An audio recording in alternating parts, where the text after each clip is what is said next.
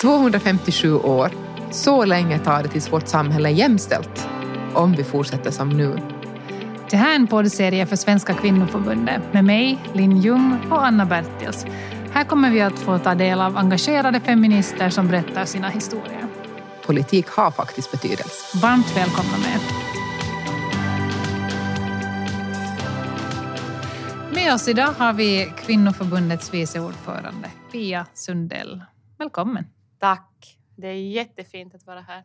Mm.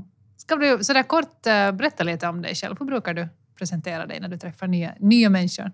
Jag brukar säga att jag är mamma, för det är en jätteviktig roll i mitt liv, trots att mina barn ju de facto nu är, är vuxna. Sen är jag en barnrättskämpe. Jag har hela mitt yrkesliv jobbat för barnets rättigheter och för barnets bästa i olika uppgifter de senaste 13 åren som verksamhetsledare för Barnavårdsföreningen. Det är också en, en roll som har, har, har blivit en del av min identitet. Sen är, jag en... barn, barn, barnfrågor är det som, man, som, som jag förknippar ditt namn med i alla fall. Ja, och, mm. och, och det är också det som jag vågar påstå mig vara sakkunnig och expert inom. Att, att det som är min största styrka när det gäller barn och familjefrågor är det att, att, att jag har jobbat på ett så brett plan att jag har väldigt bred erfarenhet av, av barnavården och barnskyddsarbete och, och barnets rättigheter. Mm. Mm. Och det är barnens rättigheter som vi ska prata om idag här. Och var började hela det här intresset? Var, var väckte sitt politiska så att säga, klappande hjärta i de här frågorna? Ehm, jag tror att jag har alltid, ända sedan jag har varit barn, har jag haft en väldigt stark känsla för orättvisa. Och, det har jag inte förstått som barn, men jag har förstått det nu när jag har, när jag har blivit vuxen. Att, att jag har alltid känt jättestarkt med orättvisor och haft jättesvårt att acceptera det. Att, att barn far illa eller att människor far illa i hela världen. Det är ganska roligt, för det brukar vara det som de, de, som de flesta som har besökt vår podd så, så säger jag just precis det här, att det är en sån här stark rättvise... Liksom. Det är det som har, som har varit det här som har börjat allting. Och sen har jag kanske engagerat mig i politiken för att jag har förstått att, att på det sättet har jag en möjlighet att påverka barn och familjers vardag och, och barnets liv. Och samtidigt så har jag också, det är också det som har varit min svårighet inom politiken. För att politik handlar ju också om att att komma till konsensus och att, att komma överens och, och att tillsammans fatta beslut. Och, och, det är svårt för mig, för att för mig finns det inte en gråzon när det gäller barnets bästa, utan det finns bara det som är barnets bästa. Och jag kan bara acceptera beslut som stöder barnets bästa och barnets rättigheter. Och, och det är inte okej okay för mig att de är lite ditåt. Hur reagerar du då? Jag blir jättebesviken. Mm. Jag blir jag blir jättesårad och barnens vägnar. Och, och, och, och, jag blir till och med arg ibland på mina riktigt goda vänner inom politiken för att mm. jag tycker att vi har inte gjort tillräckligt mycket. Mm. Ja, barnskyddsfrågorna har ju varit på tapeten nu igen och det har varit liksom i periodvis förstås på grund av saker som har hänt. Hur ser du liksom på den här politiska delen där? Vad behöver vi, behöver vi prata mer om barnskyddet och hur? No, en jätteviktig aspekt är att, att hela tiden komma ihåg att, att vi kommer aldrig att lösa utmaningarna och, och rent ut sagt ganska katastrofala läge inom barnskyddet genom åtgärder i barnskyddet. Utan vi måste helt enkelt förstå att det är ett samhälleligt fenomen som, som berör alla vuxna. Och, och vi, måste, vi måste förstå att, att vi ska värna om barndomen och att vi ska ta hand om våra barn och barnens behov måste prioriteras. Och när jag får frågan att, att menar du då att, att barn är viktigare än andra grupper i samhället så mitt svar är ja. Barn har rätt till ett speciellt skydd och barn har rätt till, ett, till, till helt speciellt mottagande och det är vi vuxna som ska se till att barn får det de behöver. Och, och då, då, då, kan inte man motivera det att man gör halvdant eller inte riktigt det bästa vi kan på, på något sätt. Och jag, jag brukar själv säga att, att vi har en jätteförvrängd bild också i vuxenvärlden om, om, om, liksom, om barndom. Jag hör väldigt ofta att människor tänker att, att när jag var barn och i min barndom, eller jag känner ett barn som. Och jag har analyserat det ganska långt också på det sättet att även om alla människor i samhället inte har ett eget barn så har alla varit barn. Och då tänker man att eftersom jag har varit barn så då är jag expert på barndom. Och det här är jättefarligt, för att då blir inte vi experter alltid hörda. För man tänker på 50-talet skidade man till skolan och, och det var, gick här och, ja, och det var välling till lunch och stryk blev det ibland men bra blev det i alla fall tycker jag. Och då vill jag säga att ingen av oss vill bli hjärtopererad i en 50-talig teknik. Ingen av oss nej, vill gå tillbaka till 50-talet när det Men jag vill inte skida till skolan. Det finns... Nej! Och, och, och, det är det som jag liksom tycker. Man måste också förstå att barnens miljö och barndomen är här och nu 2021. Mm. Det är färskvara. Det är mm. färskvara mm. och den kan inte vänta. Vad har den diskussionen när du, du har jobbat länge med de här frågorna, hur tycker du den här diskussionen har som förändrats? Eller har den förändrats? Nu det här, har det varit några så, så att säga brytpunkter där du kan se Det som, har, som, som jag hör hela tiden, som jag också har, har faktiskt lite svårt med för tillfället, att, att det har varit en, en, en tung period nu för oss alla som jobbar inom barnskyddet. Att vi vet alla att, att det, det, det som inte får ske har skett i Forsby och ett barn har omkommit. Och, och då, då, har vi alla vuxna i samhället misslyckats. Och, och, det, måste vi bara, det måste vi acceptera, vi måste ta det till oss och vi måste göra förändring. Men, men det som jag har svårt med är att i festtal och i väldigt ofta i politiska anföranden så hör vi om preventiva stödåtgärder och hur vi ska satsa preventivt. På det sättet kan vi hjälpa barn och unga. Men då måste vi förstå vad, de, vad det är. Och de är inte gratis. Det kostar att producera preventiva stödåtgärder. Då ska vi förstå att det handlar om rådgivning, det handlar om en kvalitativ småbarnspedagogik, en kvalitativ eftermiddagsverksamhet. Det handlar om att, att finnas till för, för barnfamiljer i ett väldigt tidigt skede. Och samtidigt som vi tänker att vi ska investera i i, i, tidigt, stöd, tidigt ingripande eller, eller preventiva stödformer så måste vi förstå att vi har fortfarande reparerande barnskydd som vi måste ta hand om. Fortsättningsvis har vi barn som omhändertas och behöver placeras i vård utom hemmet. Mm. Mm. Ja, det har ju varit ett väldigt speciellt år just nu om du, om du, om du pratar här om, om att man ska värna, värna om barndomen. Det är ju en speciell barndom som många som många just nu lever i under pandemin. Hur, mm. hur, vad, vad, säger din... Hur, hur ser du på, på familjerna och barnens situation just nu? Hur mår vi? Det har varit Intressant att, att, att följa med den här, den här perioden under pandemin. Att, att för det första så liksom konstatera bara det att, att en oför, oväntad situation som ingen av oss var förberedd inför. Och, och, och då, då är man ju som, som folk tvungen att, att, att på något sätt agera utifrån det vad man just då tror att är bäst. Och, och jag vill inte kritisera något myndighets eller politiska beslut som fattades när, när hela pandemin och coronan så att säga föll över oss alla. Men jag vill påminna om att, att den har stora följder och effekter på barn och barns välmående. Vilka syns redan nu? No, det som syns redan nu är ju att, att distansundervisningen har varit skadlig för många barn. Det, man måste fatta det att, att för en tonåring och för unga vuxna så det är jätteonaturligt att inte komma samman.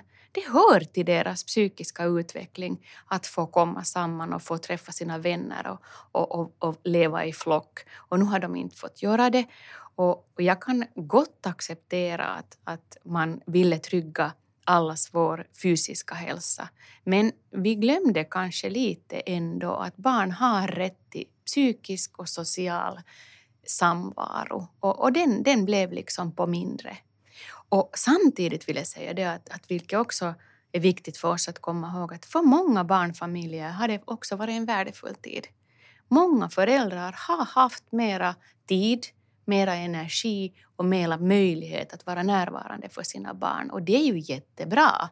Så lika som många barn har haft det väldigt svårt så har många barn haft det också väldigt bra. Och, så det, det, det finns inte ett entydigt svar. Men, och det, det är ju allmänhet så här med allt barnskyddsigt arbete att majoriteten av barnen i Finland mår ju jättebra. Och om man tänker på ur ett materiellt perspektiv så har barn aldrig haft så mycket som i, i hela Finlands historia som nu. Barn har väldigt mycket och många barn mår väldigt bra. Men det som är skadligt och jättefarligt är att de som lever i marginalen ser ut att ha det svårare än någonsin tidigare. Och, och större splittring nu än tidigare. Mycket större splittring, mycket större ojämlikhet och, och jättestora olikheter. Att, att de barn som, som sen under till exempel distansperioden hade det svårt, så det är ju faktiskt barn som inte gick ens att nå under hela mm distansperioden på tio veckor under förra våren. Och, och, och, vi vet att familjevåldet ökar under den här perioden och vi vet att barns illamående har vuxit. Mm. Jag noterade att det var en undersökning, jag vet inte vem som gjorde undersökningen, men jag noterade på, på Husis att unga just nu mår i princip på 1997 års nivå, alltså att man har backat. Det, det, här, är, det här är också en, en, en viktig point och, och, på något sätt också det som gör mig lite olycklig är det att vi vet, vi har faktiskt forskning på det, att de barn som växte upp under den senaste ekonomiska depressionen på 90-talet, så det lämnar jättedjupa spår i dem. Och de unga vuxna har, ser ut att ha haft en, en, en ganska jobbig väg att gå. Och de sparåtgärderna som vi då på 90-talet gjorde, så de har, många av dem har aldrig återbördats. Mm. Så barnfamiljer har faktiskt gått mm. en hård väg. Mm.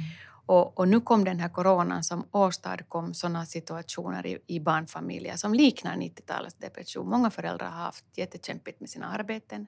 Många föräldrar har förlorat sina jobb. Många barn är väldigt bekymrade för familjens personliga ekonomi. Och, och all den här oron har åstadkommit helt enkelt det att, att barn barn mår jättedåligt. Jag minns ju själv tydligt det här 90-talets lågkonjunktur, då var jag ju tio när det, när det började, men jag minns det tydligt för att allting togs bort. Det var ja. första gången lärarna permitterades, man fick inte ha julfest, ja. mellanmål for och så vidare och arbetslösheten drabbade även vår familj. Ja. Och nu tänker jag också på det som kanske lite sticker mig också i ögonen att när man tittar på media just nu så, så hyllar man väldigt mycket det här distansarbetet ja. och man lyfter bara den men samtidigt så ser vi också att arbetslöshetssiffrorna ser väldigt oroväckande ut och det betyder också inverkan på barnen. Ja. Att det är väl lite snäva där just nu i debatten, att lyfter vi det här tillräckligt? Men det är också kanske det att, att vi vuxna, vi, vi tänker inte på att ganska små barn oroar sig faktiskt för familjens ekonomi. Och, och vi, jag hör ofta i mitt arbete att barn har sagt att, att när min mamma inte har pengar och, och, och, och, och jätteoroliga att pappa ska förlora sitt arbete. Det, det är jättevanligt och vi måste liksom komma ihåg att barnen lever i den här samma verkligheten som vi lever. Sen bearbetar de det på olika sätt. Och vi måste hjälpa barn att orientera sig i den här världen. Och den oro som vi alla känner, eller den oro som vi kanske har känt gällande coronan, att man är lite orolig för sin egen hälsa eller för någon närs, en äldre persons hälsa, så det speglar direkt på barnen.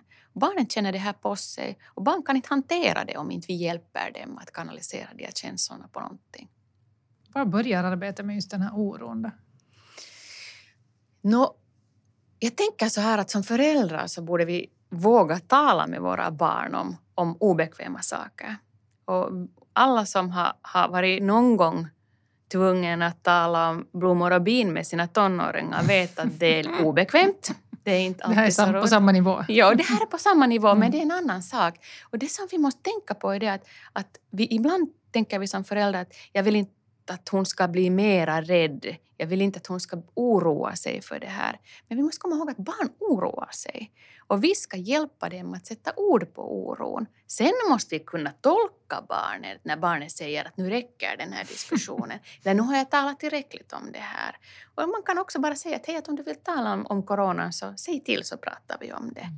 Och fråga barnet att hur, hur känns det för dig? Eller är, är du, känner du dig rädd? Vad är du mest rädd för? Eller också berätta sin egen känsla. Att ja, jag är också lite orolig för det här med corona. Men som tur så är det väldigt ovanligt i alla fall att något hemskt händer i familjen. Mm. Jo, barn, man resonerar ju på, barn resonerar ju på ett sätt som man inte själv kommer ihåg att man har gjort, för det är ändå så länge sedan man själv var... Jag, jag pratade om, om eh, död igår med min Mm. åttaåring som tog upp det här igen med att just läsa nyheterna, titta på, tolka själv och fundera att hur många har dött och så Ja. vidare. Så, så frågade jag honom om han minns när han för kanske två år sedan frågade mig en kväll att, att sen när, när mamma, sen när jag kanske är runt 50, lever du ännu då? Sa jag att ja, att kanske, kanske inte. Mm. Det, det vet jag inte. Men att har jag tur så lever jag och jag är över 80. Men, men man Mm. vet. Så sa han att men vem kommer då att baka min tårta när jag Mm. fyller? Mm. Så ja, vet du, att kanske du är Vet vi. 50 så kan det hända att du bakar själv. Eller? Så, så vände han sig om i sängen och sa han, åh, du jag har mommo. Ja. Så jag så resonerar man för man förstår ett riktigt tidsperspektiv. Ja. Alltså att, att man liksom, hans fråga var allvarlig i grunden men man liksom, det lät Ja. ju skojigt men det fanns en allvarlig Ja. tanke att vem tar hand om mig? Mm. Men det var en jätteviktig viktig sak att säga högt. Alltså, Mm. Det där ultimata hemska för alla barn är ju att Mm. de själva ska dö eller att mamma och pappa eller, eller en annan väldigt nära person ska dö. Mm. Och, och, och, och då kan man ju som förälder tyvärr aldrig lova att det aldrig kommer att hända. Men man kan, man kan liksom ändå säga att just nu ser det inte alls så ut. Mm. Men det är lite svårt att lova mitt i en så här allvarlig pandemi Ja. också. Men vi vet Mm. ändå att väldigt många blir friska Så från det, coronan. det. Och, och det Mm. måste vi liksom hela tiden påminna, barn Mm. Och det vill jag också ha sagt att när sådana här hemskheter händer som, som, som fallet Forsby, det har också väckt jättemycket känslor hos tonåringar. Mm. Och, och, och vi måste också våga och kunna prata om de här svåra sakerna. Att världen är liksom skrämmande och hemsk. Och, och den, den, det finns jätte obegripliga saker som ingen av oss riktigt kan förstå. Men ändå är grundtryggheten väldigt bra i vårt land. Mm. Och, och det måste vi liksom på något sätt hålla upp för våra barn. Hur är det kommunala skyddsnätet tycker du i, i kommunerna överlag idag? På en sån här övergripande plan? Alltså övergripande plan tycker jag att, att vi har väldigt starka och bra strukturer i vårt land. Vi har en väldigt utbredd och bra rådgivning, mödrarådgivning och, och barnrådgivning. Vi har en, en, då när, när småbarnspedagogiken fungerar så som den ska fungera så är den väldigt bra och den skyddar barn på många sätt. Vi har en grundutbildning som är på väldigt hög nivå och, och, och, och vi har vi har stödformer också för föräldraskap på många olika sätt som, som, som utvecklas hela tiden och blir också väldigt mycket bättre hela tiden. Och det som jag också tycker att det är viktigt att, att det är inte så skamfilat att be om hjälp idag. Och det tycker jag är Mm. viktigt att man kan som förälder säga att jag vet faktiskt inte nu riktigt vad jag borde göra till nästa. Och, och, och det finns hjälp att få. Men, men där vi inte är tillräckligt bra så gäller faktiskt liksom barnpsykiatrin och ungdomspsykiatrin. Där har vi jättestora brister. Sen är det en annan, en viktig, viktig aspekt. Det gäller faktiskt föräldrars separationer och skilsmässor.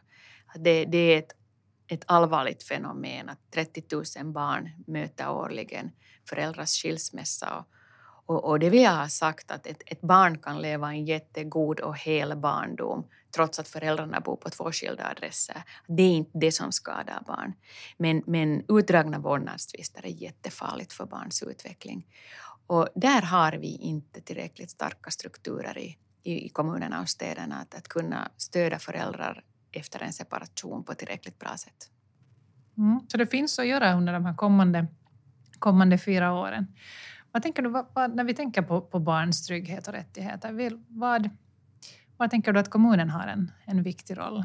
No, basservicen är ju naturligtvis jätteviktig och, då, och småbarnspedagogiken, kvalitativ småbarnspedagogik med, med målinriktad verksamhet och, och med, med kunnig personal, det utgångspunkten. Och, och samma gäller grundutbildningen och speciellt då eftermiddagsverksamheten. Att jag, jag brukar alltid säga att har man lyckats i Sverige skapa en struktur med fritid som, som verkligen skyddar barn i alla lågklasser och även under skolans lov så tycker jag det är självklart att vi måste kunna göra det här i Finland.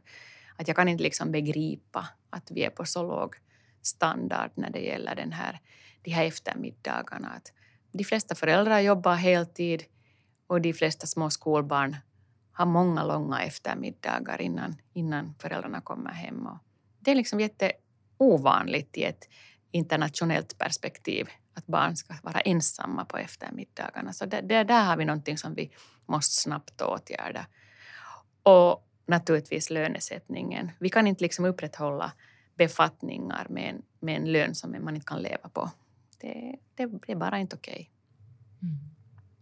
Vi pratade här tidigare om, om eh, pandemin. Mm. Du tittar nu tio år framåt från idag och försöker sia lite i framtiden. Vad, skulle du, vad tror du att du ser i barnskyddet om tio år och vad hoppas du att du skulle se? Jag hoppas att jag skulle ha under den följande fyraårsperioden att, att, man skulle, att vi skulle ha lyckats implementera gedigna barnkonsekvensanalyser i beslutsföringen i, i all kommunal beslutsföring man tror rätt lätt in, in, inom politiken att barnkonsekvensanalyser ska göras på de beslut som direkt berör barn, då till exempel småbarnspedagogik. Men man ska, fat, man ska göra barnkonsekvensanalyser på alla beslut man fattar. För det finns inte beslut inom kommunen som inte direkt eller indirekt påverkar barns vardag och barns liv. Så barnkonsekvensanalyser hoppas jag att, att, att man har verkligen på ett brett plan börjat göra. Sen hoppas jag att man om tio år har barnen känner till sina egna rättigheter bättre, föräldrarna känner till barnens rättigheter, men att alla professionella som kommer i kontakt med, med barn och ungdomar känner till barnets rättigheter och respekterar dem.